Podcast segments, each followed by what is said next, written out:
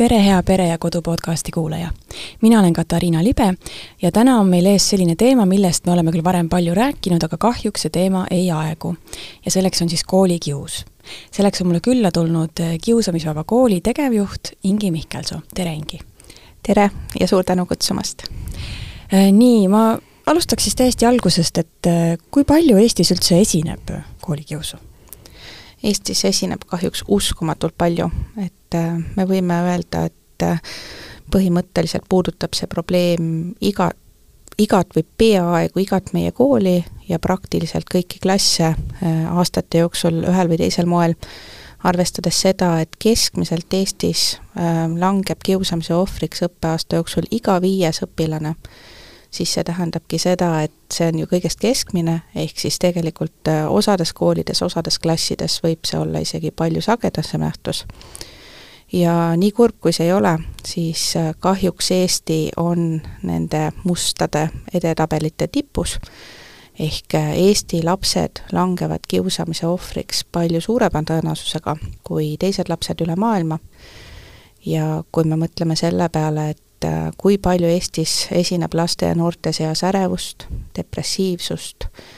äh, kahjuks äh, ka suitsiidikatseid ja lõpule viidud suitsiide ja sellist ennast kahjustavat ja ka teist kahjustavat käitumist, siis kiusamine läheb nii-öelda jutumärkides kenasti mustrisse. mis see põhjus on, miks Eestis on nii palju kiusamist ja, ja kõiki neid muid probleeme? ma arvan, et see on äh, miljoni dollari küsimus, et miks just Eesti, et äh, loomulikult meil on see postsovjetlik äh, taak küljes, millest me ennast üritame siin alles välja lohistada, väga palju traumasid, väga palju katkisi peresid, alkoholismi ja nii edasi, äh, ennast tööga tapmist aga miks just Eesti võrreldes teiste sovjet-, Sovjeti, postsovjeti riikidega isegi niivõrd esile tõuseb, et see on tõesti küsimus, mis veel vajab lahtihaakimist. et, et kahjuks isegi, tõepoolest isegi Läti ja Leeduga võrreldes Eesti õpilaste vaimne tervis äh, on kehvemal järjel. Äh, meil on olemas ikkagi ju tõenduspõhine programm Kiusamiskooli, Kiusamisvaba Kooli ja Kiva näol, äh, kui paljud koolid on selle programmiga liitunud üldse? ja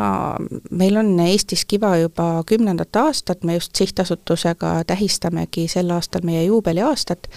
ja tänaseks päevaks siis on Kiva võetud kasutusele pea veerandis Eesti koolidest, ehk siis äh, ligi sada kakskümmend kooli ja õppekohta on siis äh, Kiva programmiga liitunud. kas seda on näha ka, et nendes koolides on nüüd õhustik parem? Jaa, et äh, meie jaoks, mis on üks Kiva alusväärtus, on teadus- ja tõenduspõhisus. meie jaoks on väga oluline see, et me mitte lihtsalt kõhutunde pealt ei ütleks, et jah, meile tundub, et see asi toimib, vaid et me mõõdaksime tulemusi, et meil oleksid objektiivsed kriteeriumid, mida võrrelda aastast aastasse ja et me saaksime neid tulemusi võrrelda ka mitte-Kiva koolidega.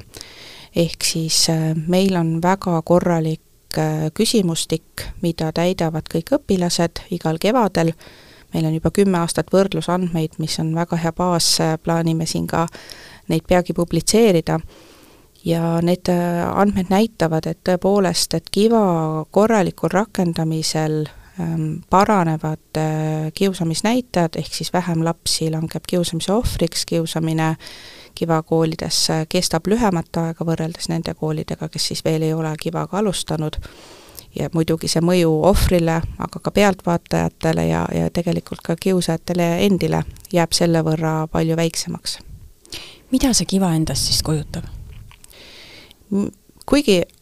armastatakse öelda, et äh, võluvitsasid või imerohtu ei ole olemas, siis mina olen küll kivasse armunud.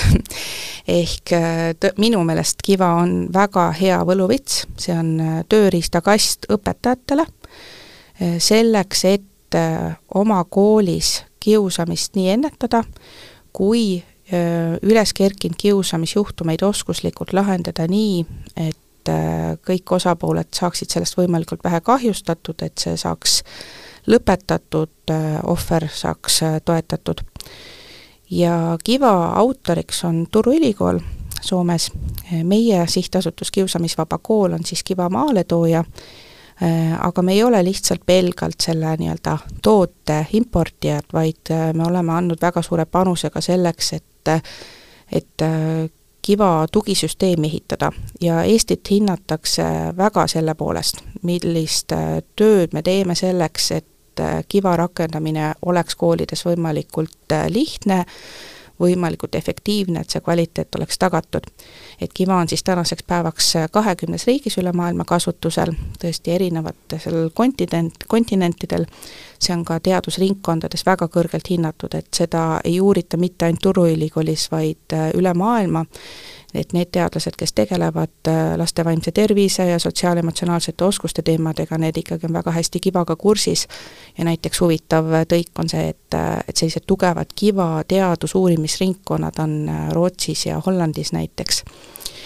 ja, ja see mõju-uuringute töö jätkub aastast aastasse, et see on, see on väga, väga äge. aga mille poolest Eestit näiteks hinnatakse, on see, et et me oleme ainsad, kes on ehitanud sellise väga korraliku jätkutoe süsteemi, et me ei jäta koole selle kõigega üksinda. et meil mitte lihtsalt ei koolita neid alustuseks välja, vaid me hoiame kõrgel seda taset, pakume tuge nii koolituste kui ka mentorluse näol. Ja just nimelt see mentorlussüsteem on, on täitsa maailmas ainulaadne et kõikidel Kiva koolid on siis meie sihtasutuse poolne mentor, kes äh, hoiab kätt pulsil, inspireerib, aitab. ja kui mõelda selle peale, et äh, miks see nii on, et Eestis on selline mentor, mentorlussüsteem vajalik, aga teistes riikides mitte, siis äh, kahjuks on see seotud sellega, et Eesti õpetajate väljaõpe ja valmisolek tegeleda sotsiaalemotsionaalsete oskuste õppega Eh, tegeleda kiusuennetusega, kiusamisjuhtumite peatamisega oskuslikult on palju madalam võrreldes eh, paljude teiste riikide õpetajatega, et Soome õpetaja sellisel moel abc-d ei vaja, nagu tihtipeale Eesti õpetaja vajab kahjuks. ja, ja püüame siis omalt poolt võimalikult palju selle lünga ära, ära täitmiseks ära teha. Miks Soome õpetaja seda ei vaja, kas neil on siis ülikooli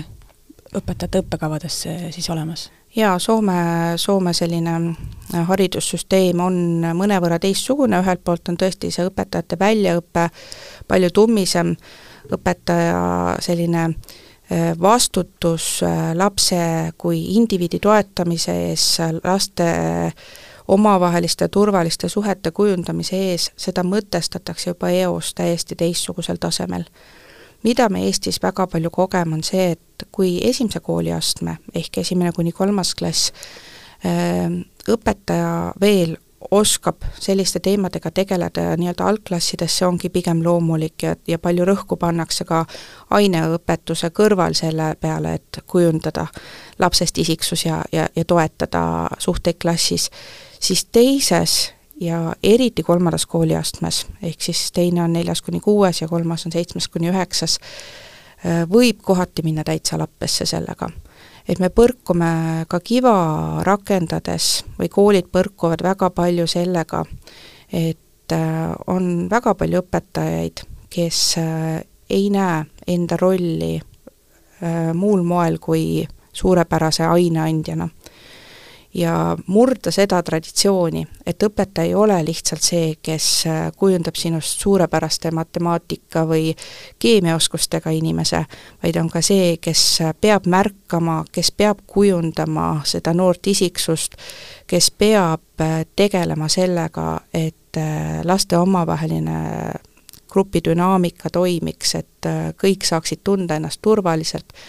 et see on miski, millega me peame Eestis veel väga palju tegelema olles äh, kirjutanud sel teemal artikli, siis ma tegelikult tean, et mis õpetajad selle peale ütlevad täiesti arusaadavalt, et neil on nii palju tööülesandeid, neil on nii palju ainetunde, nende ettevalmistamist ja see palk ei ole sellega võrdväärne. et nemad jälle omalt poolt ütlevad, et seda on liiga palju neilt oodata see on väga hea, et sa selle välja tood, sest äh, tõepoolest Eestis on äh, õpetajad ju valdavalt ikkagi nii, nii tublid, et nad üleüldse seda ametit peavad ja see koormus on tõesti üle mõistuse suur. Äh, palgast on palju räägitud, et loomulikult selline töö vajab väärilist tasu, aga isegi, kui see tasu on, äh, on selline noh, tõ-, tõeliselt hea, siis tegelikult ikkagi me peame tegelema paralleelselt ka sellega, et õpetajate töökoormus peab normaliseeruma kui me vaatame paljusid lääneriike, on seal kasutusel näiteks abiõpetajate süsteem, et üks õpetaja tegelikult ju ei suudagi hallata kahekümne nelja õpilasega klassi, anda suurepäraselt ainet, samas tegeleda ka laste suhetega, klassijuhataja roll vajab täiesti ümberdefineerimist, et see on ka üks asi võib-olla, kus Eesti veel on, äh, on veel tagapool võrreldes paljude äh, teiste naabritega, et klassijuhataja ei ole ju mitte lihtsalt see, kes kutsub äh, klassijuhataja tunnis äh, korraks kokku, tihti jätab ära ka, nagu üsna klassika on kahjuks paljudes koolides, et arutame nüüd kiirelt seda klassiekskursiooni ja raha kogumist, vaid tegelikult klassijuhataja roll ongi selle selle töö ärategemine, et äh, lapsed oleksid märgatud ja, ja suhetega oleks korras mm. -hmm.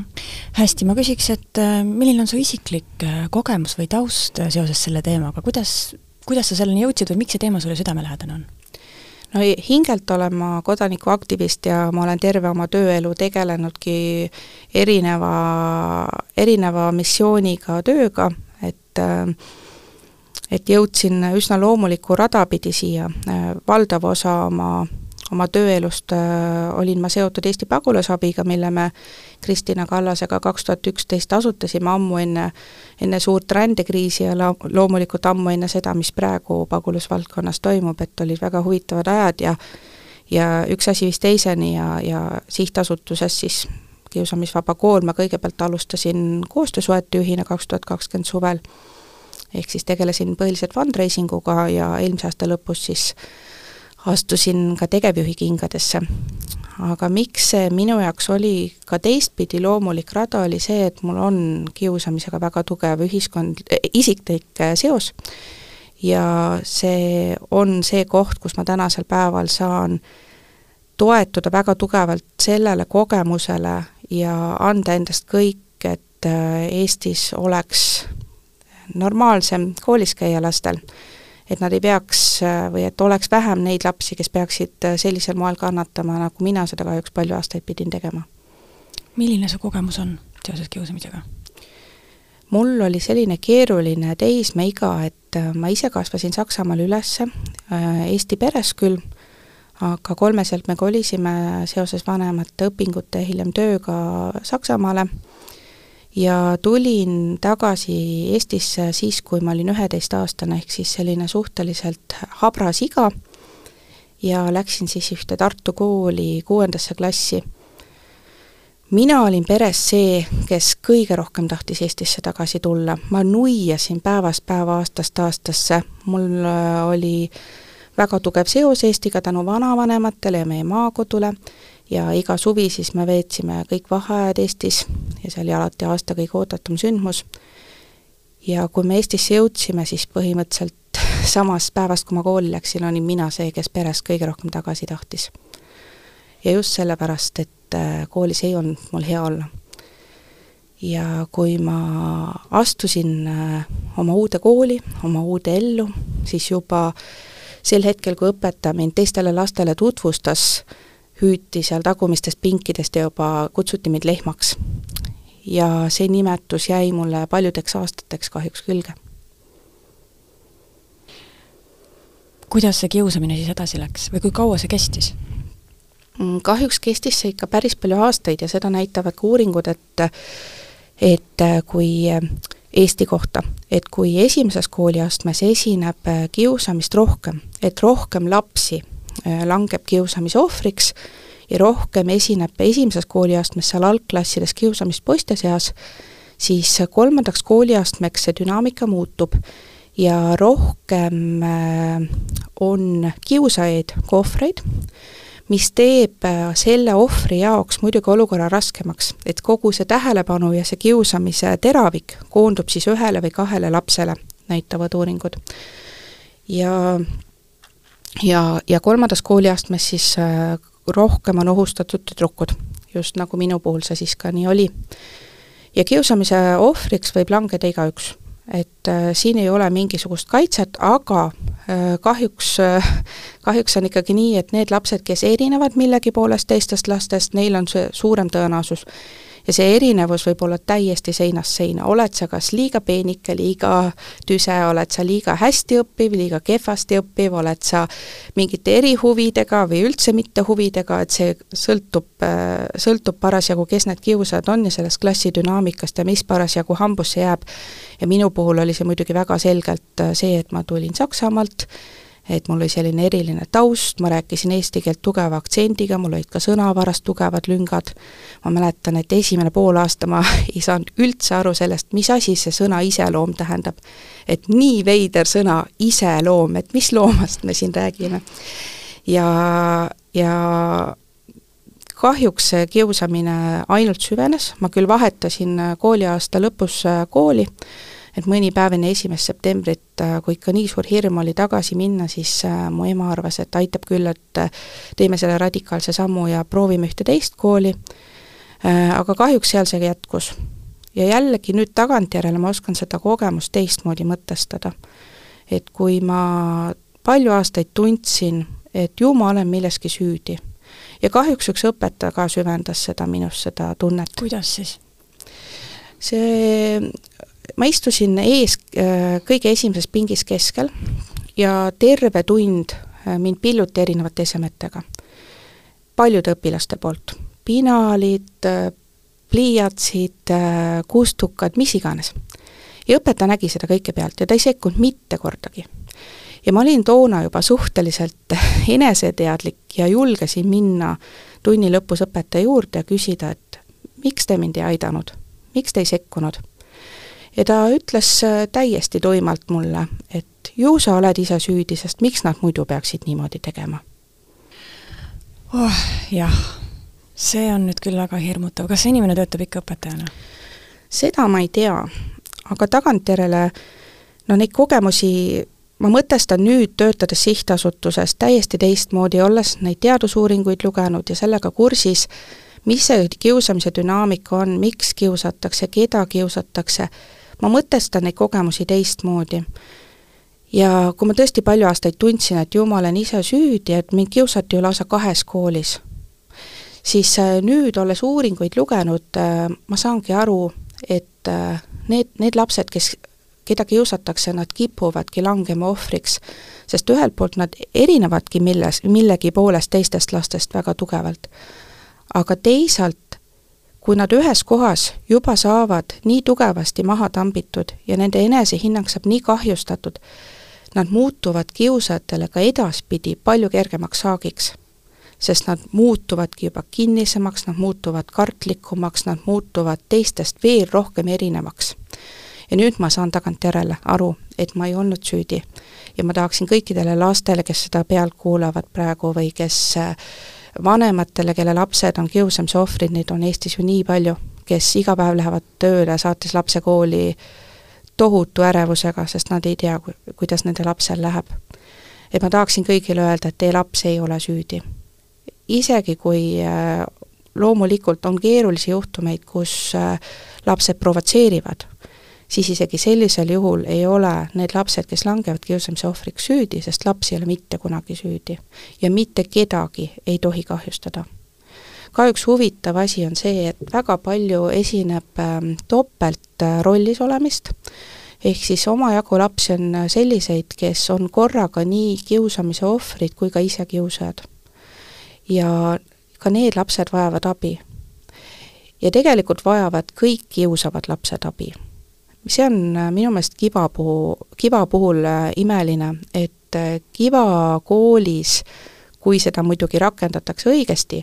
siis seda last, kes kiusab, mitte kunagi ei lööda risti. et liiga palju esineb kahjuks seda, et, et last, kes kiusab, ähvardatakse, surutakse nurka ähm,, tõesti nagu minnakse talle peale negatiivsete mõtete ja, ja väljaütlemiste ja tegudega, see tegelikult ju ei leevenda seda lapse valu, mis teda üldse paneb kiusama, see ei lahenda ära selle kiusava lapse muret. et kivast, kivakoolis tegeletakse nii ohvri kui ka kiusaja abistamisega. aga mille pärast siis lapsed kiusavad, mis on see valu või mure, mis paneb ühte last kiusama? Ega lõpuni veel ei saagi öelda, et alati kiusamine on äh, tohutust valust kannustatud, osa lapsi tõesti elavad oma seesmist ängi välja, oma armastuse puudust elus, oma oma, oma mingisugust frustratsiooni, miks nad tunnevad ennast millegi poolest halvasti, tõesti on selliseid lapsi omajagu, näiteks üks laps, kes mind kõige räigemalt kiusas kõik need aastad, tagantjärele ma sain teada, et ta on gei. See on väga okei okay. aga tagantjärele ma mõtestan seda kogemust, et ju temal oli see kaitsemehhanism, et varjata iseenda teistsugust identiteeti ja teistest eri, eristumist selle käitumisega, et ta mattis enda valu ja seda tähelepanu tahtiski sellest eemale suunata, ma kujutan ette, et selles võis olla asi. Aga mitte kõik lapsed ei kiusa selle vä-, ängi ja valu pärast, et kahjuks näitavad uuringud ka seda, et kiusatakse igavusest ja siinkohal on loomulikult vanemate ja ka kooli ülesanne hoolitseda sellest, et äh, lastel oleksid huvialad, et neil oleksid sõbrad, et neil oleks äh, põnev ja mitmekülgne elu ja loomulikult tänapäeval hoolitseda sellest, et lapsed ei oleks nutisõltlased. sest äh, nii väga, kui see ka lastele ei meeldiks oma telefonis hängida, siis äh, see ei ole äh, neile kasulik ja suurendab kahjuks ainult seda igavlemise tunnet Äh, kui sa nüüd oma kogemusele vaatad tagasi tänaste teadmiste võrra rikkamana, et äh, kas sa näed, mida oleks võinud õpetajad või teised täiskasvanud teisiti teha? jaa, ma olen sellele nüüd äh, siin sihtasutuses töötades väga palju mõelnud. üks selline huvitav lugu on, et ma hiljuti käisin ühes poes. ma olin tellinud e-poest ühe asja, läksin sellele järele ja seal poes müüja juba kaugelt vaatas mind ja ütles, ahaa, te tulite e-tellimusele järele. ma olin täitsa üllatunud, et kuidas te teate, aga ta juba läks sinna taha lattu tooma seda asja ja siis juba teadis mu nime ja andis selle mulle üle, ma olin nii üllatunud, et ma ei arvanud, et ma teda tean või et tema mind teaks. ja siis ta ütles, aga sina oled ju Ingi, eks mm? -hmm, jah. ja sul on kolm last? Hm, ohoh.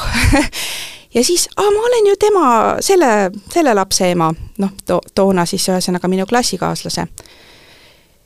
ja ta oli nii tore inimene, ma oleks tahtnud temaga hea meelega rohkem rääkida, aga ma läksin täiesti lukku. Ja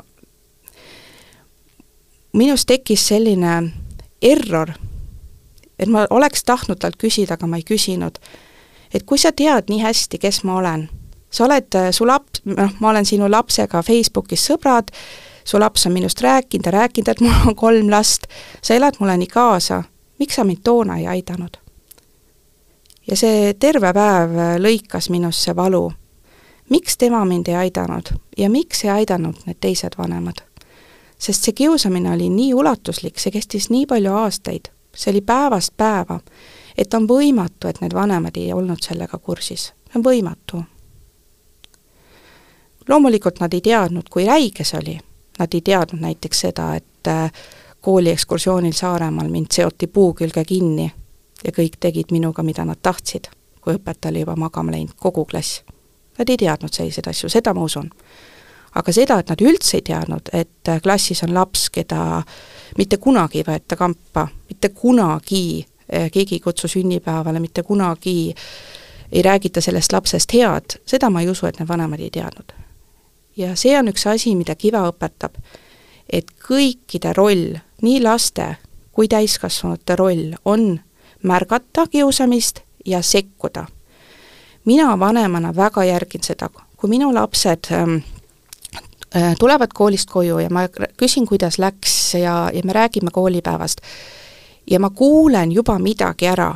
et äh, kellegi kohta, et ah, tema tema on ju alati see nõme või et tema on ju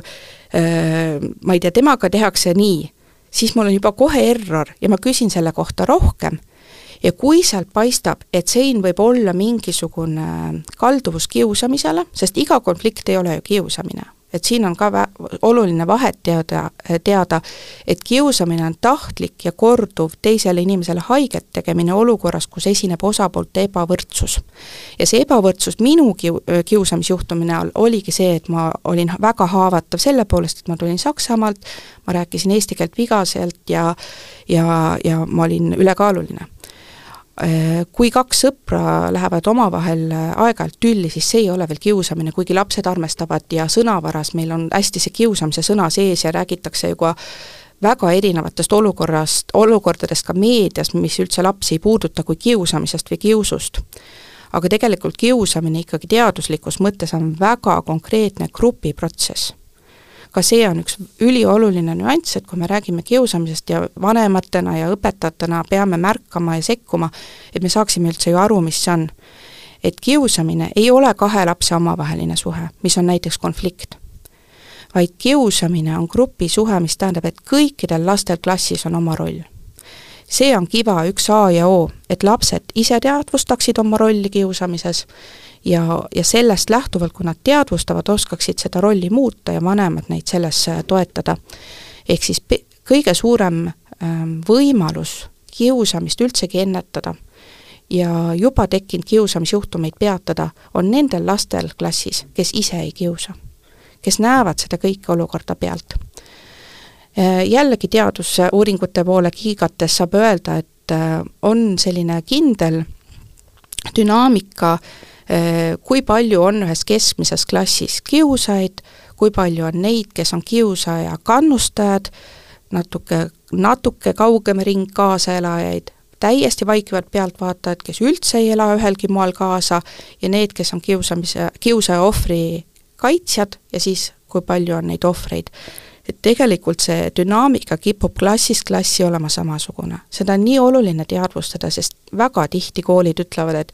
miks meil noh, meil ei ole kiva vaja, meil ei ole vaja nende teemadega tegeleda, me tegeleme nagunii, aga kui hakata süübima, mida nad selle all mõtlevad, siis selgub, et nad arvavad, et need kõige räigemad kiusamisjuhtumid, mis kahjuks tihtipeale need nähtavad räiged on füüsilised, need, mis on vaimsed, need, need on nii palju raskem märgata ja tõrjuda,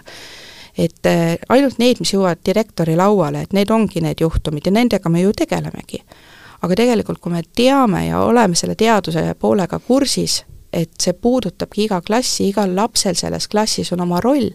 et siis me oskame täiskasvanutena hoopis teistmoodi märgata. ja kui mina kuulen oma lastelt selliseid lugusid,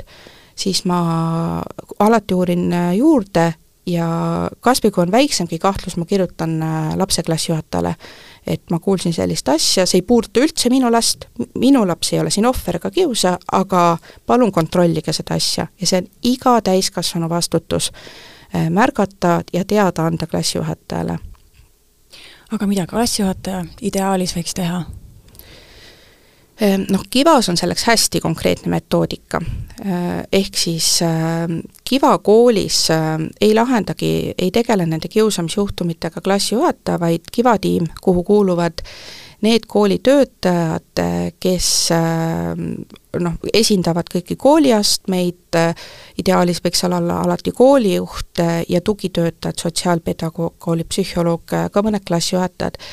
Need, see tiim on saanud meie sihtasutuselt Kiusamisvaba Kool väljaõpet mentorluse näol, pidevat tuge, äh, jätkukoolitusi, õppematerjale ja nii edasi, äh, väga kindla tööriistakasti, kuidas nende kiusamisjuhtumitega tegeleda. kõigepealt on vaja aru saada, kas tegu üldse oli kiusamisega või mitte. Äh, selleks on ka hästi konkreetne küsimustik ja see on koolitöötajatel eriti mugavalt täidetav. Ehm, Kiva koolis peab see küsimustik olema teada, kust selle saab äh, kõikidel koolitöötajatel, äh, näiteks ka garderoobitöötajal või kooli sööklatöötajal, sest tihtipeale kiusamine äh, leiab ju aset vahetundides või pärast tunde, mis on klassijuhataja silme alt väljas, ja kui kool ei tegutse kindla süsteemi alusel, siis kahjuks tihtipeale sellised tugitöötajad ei teadvusta oma rolli, nad ei tea, et nemad, ja see ei ole nende kohustus sekkuda, teada anda kellelegi, kui on suur kool, nad isegi ei tea, kes on selle lapse klassijuhataja, kust ma ta üldse leian, on ju.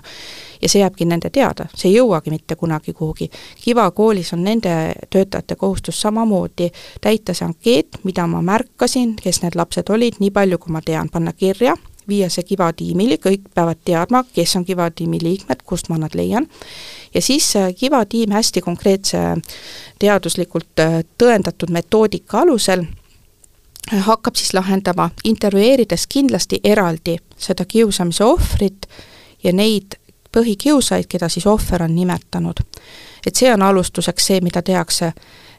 Ülioluline on vältida sellist kohapeal kiiret tegutsemist, kus hakata koha peal kohe lahendama, kui täiskasvanu märkab äh, mingit kiusamisjuhtumit ja seal hakata niimoodi vastandama ohvrit ja kiusajat ja neid seal kohapeal intervjueerima, et kindlasti see ei ole korrektne ja võib tegelikult äh, ohvrit äh, retraumatiseerida ja tuua isegi suurema kahju kui kasu kaasa. ja, ja, ja ka hil-, hiljem tuleks kindlasti eraldi äh, intervjueerida miks ma seda rõhutan, on sellepärast, et kahjuks liigagi palju kasutatakse just seda metoodikat, et okei okay,, meil on siin kiusamisjuhtum Malle ja Kallega näiteks, toome Malle ja Kalle nüüd äh, siia, kutsume nad korra matatunnist välja, kutsume nad korraks siia koolipsühholoogi kabinetti ja noh, rääkige nüüd mõlemad, mis juhtunud on. Aga see ignoreerib täielikult seda teaduslikku teadmist kiusamisest, ehk siis see on kahe osapoole ebavõrdne suhe. ja see Malle näiteks, kes on selle Kalle kiusamise ohver, tal ei ole turvaline ja mugav ennast oma kiusa ees avada ja ta suure tõenäosusega ei pruugi üldse jagada, mis täpselt toimub, sest ta kardab hilisemat kättemaksu ja pal-, ja eskaleerumist. ehk siis kindlasti peab ohvriga turvalises keskkonnas rääkima ja eraldi siis kiusajatega. Ja Kivas on ka väga spetsiifiline metoodika, kuidas kutsutakse last koostööle, seda nimetatakse mittevastanduva käitumise metoodikaks. ja see on väga huvitav, ähm, kuidas äh, last jällegi mitte ei, ei vastandata siin situatsioonis ei süüdistata, vaid räägitakse natuke nagu kass ümber palava pudru sellest asjast, et ei öelda, et Kalle, ma tean, et sa tegid Mallega seda, teist ja kolmandat.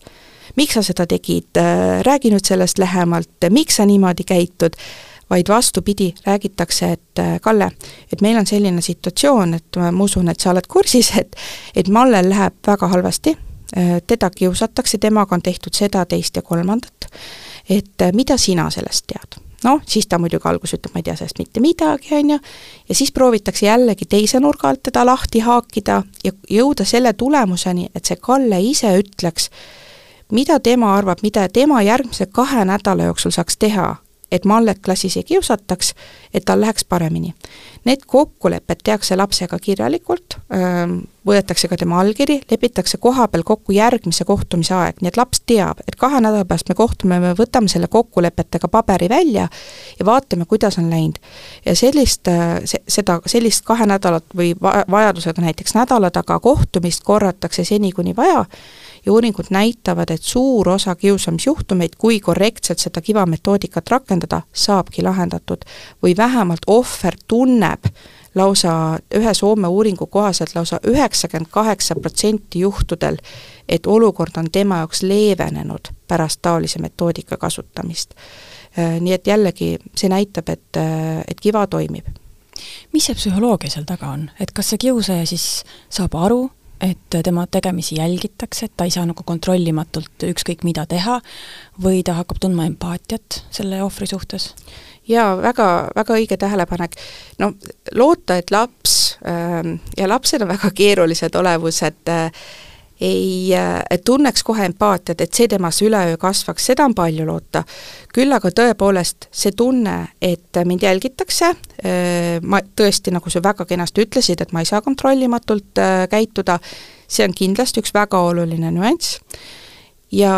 ja teisalt lapsed tahavad tunda mõistmist ja see on kindlasti juba ammu psühholoogiliselt kindlaks tehtud, et oled sa laps või oled sa täiskasvanu,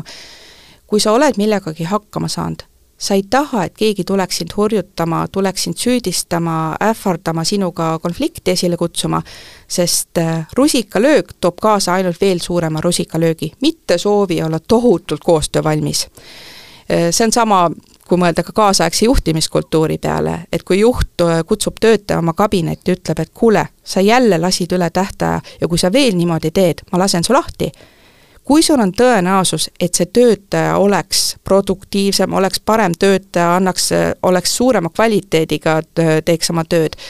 pigem temas kasvab äng, tõenäoliselt mingisugune kättemaksuiha, mingi vastupanu-iha ja see toimib laste puhul samamoodi. ehk siis tegelikult igaüks tahab mõistmist ja märkamist ja, ja nagu öeldud, siis Kiva neid kiusajaid lapsi ei suru nurka, vaid püüab neid mõista ja inspireerida, motiveerida neid koostööle, teistmoodi käituma, oma käitumist parandama ja paralleelselt loomulikult on siis koolitöötajate roll tegeleda siis tõesti sellest arusaamisega, et mis seda last on pannud niimoodi käituma, mis tema tihtipeale, mis tema valu selle taga on ja, ja, ja tegeleda siis selle valuga, sest kiusamine tihti ikkagi on millegi sümptom see kõik kõlab väga ilusti,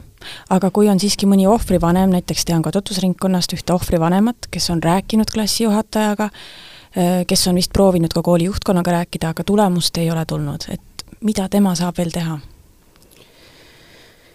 jah, et äh, on omajagu selliseid koole, kus äh, tehakse ka kivasamme korrektselt ja need asjad ei parane, teatud juhtudel peabki ütlema, et kivaga lõpuni välja ei saa toimida. et teatud juhtumid on lihtsalt nii keerulised, on need siis seotud lapse käitumise raskustega, tema mingi tõesti väga keerulise olukorraga kodus, täieliku suutmatusega lapse, et ko-, kooli ja lapsevanema koostöö lihtsalt absoluutselt ei toimi, kui näiteks kiusaja lapse vanemad ei tunnista probleemi, on väga-väga keeruline sellest nõiaringist välja tulla et on tõesti selliseid juhtumeid, kus, kus me ei saa kivametoodikaga lõpuni välja äh, minna.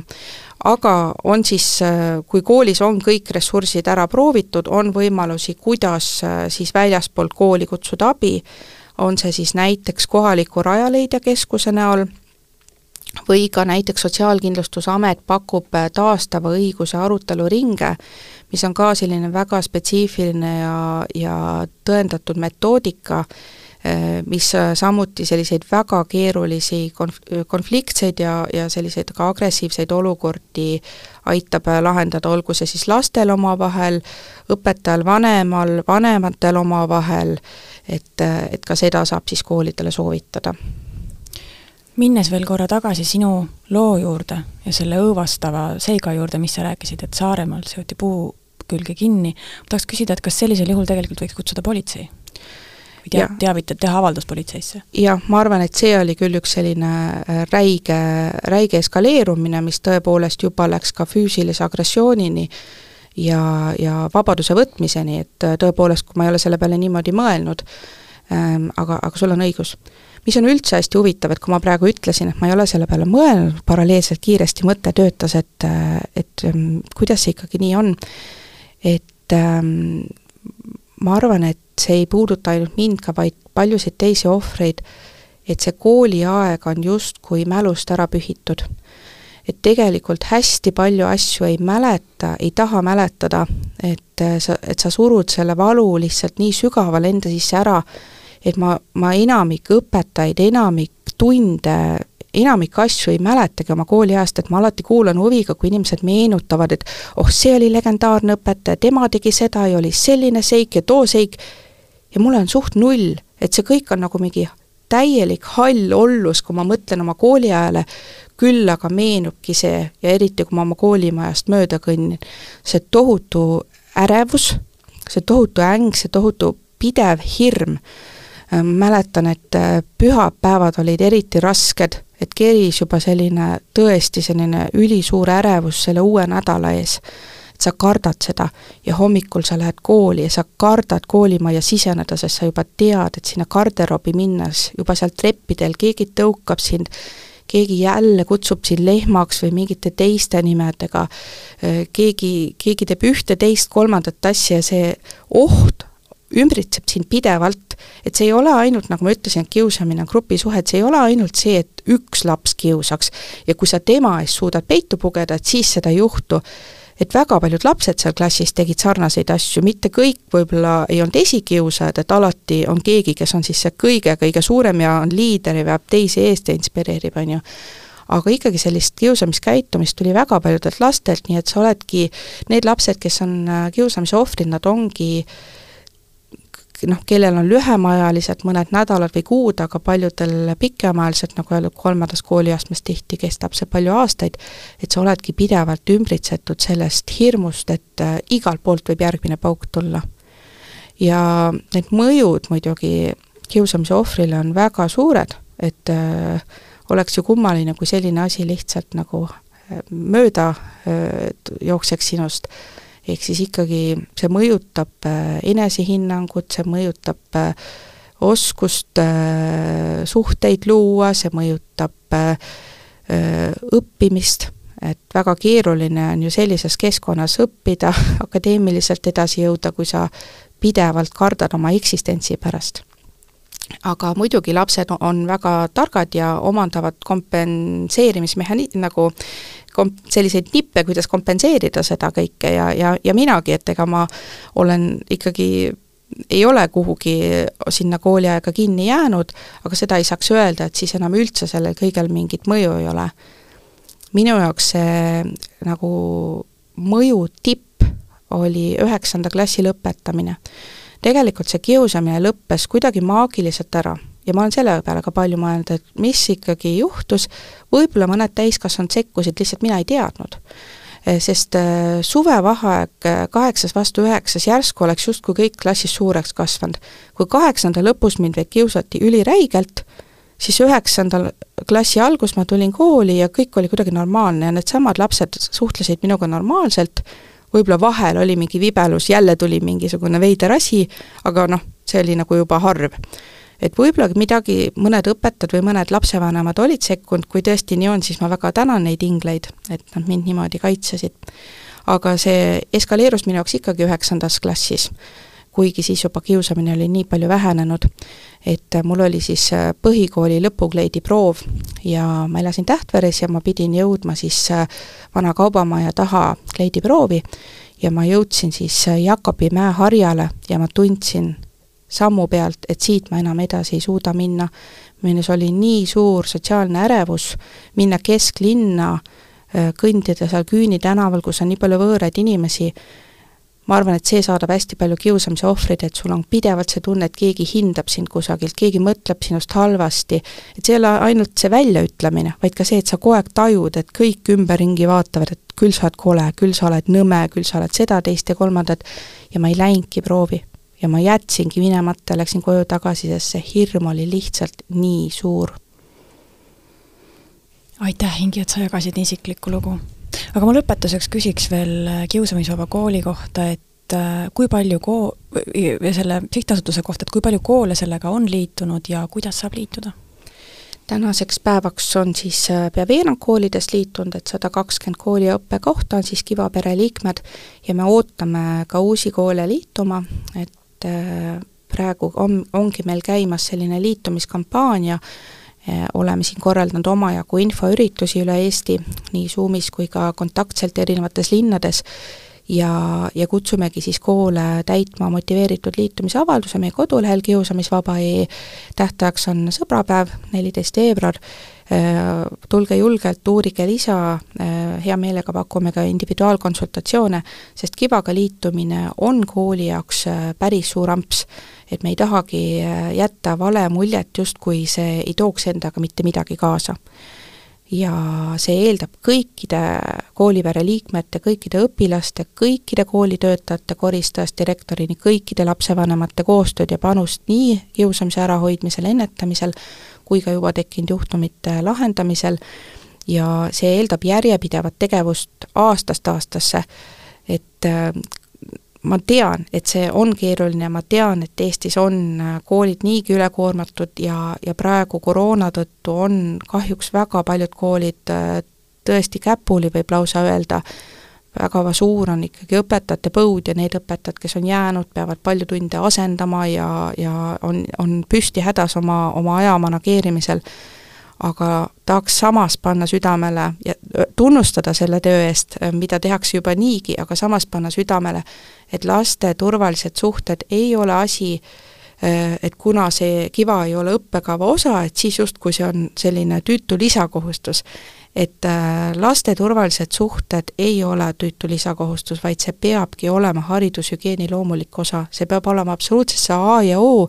mis on meie kooli vundament ja alles siis, kui lastel on hea olla, kuna, kui nad tulevad rõõmuga kooli, kui neil on seal turvaline olla, nad ei saa kahjustatud, vaid nad saavad just õitseda ja kasvada ja areneda, just siis ainult siis me saame seda akadeemilist edukuse kihti peale hakata ehitama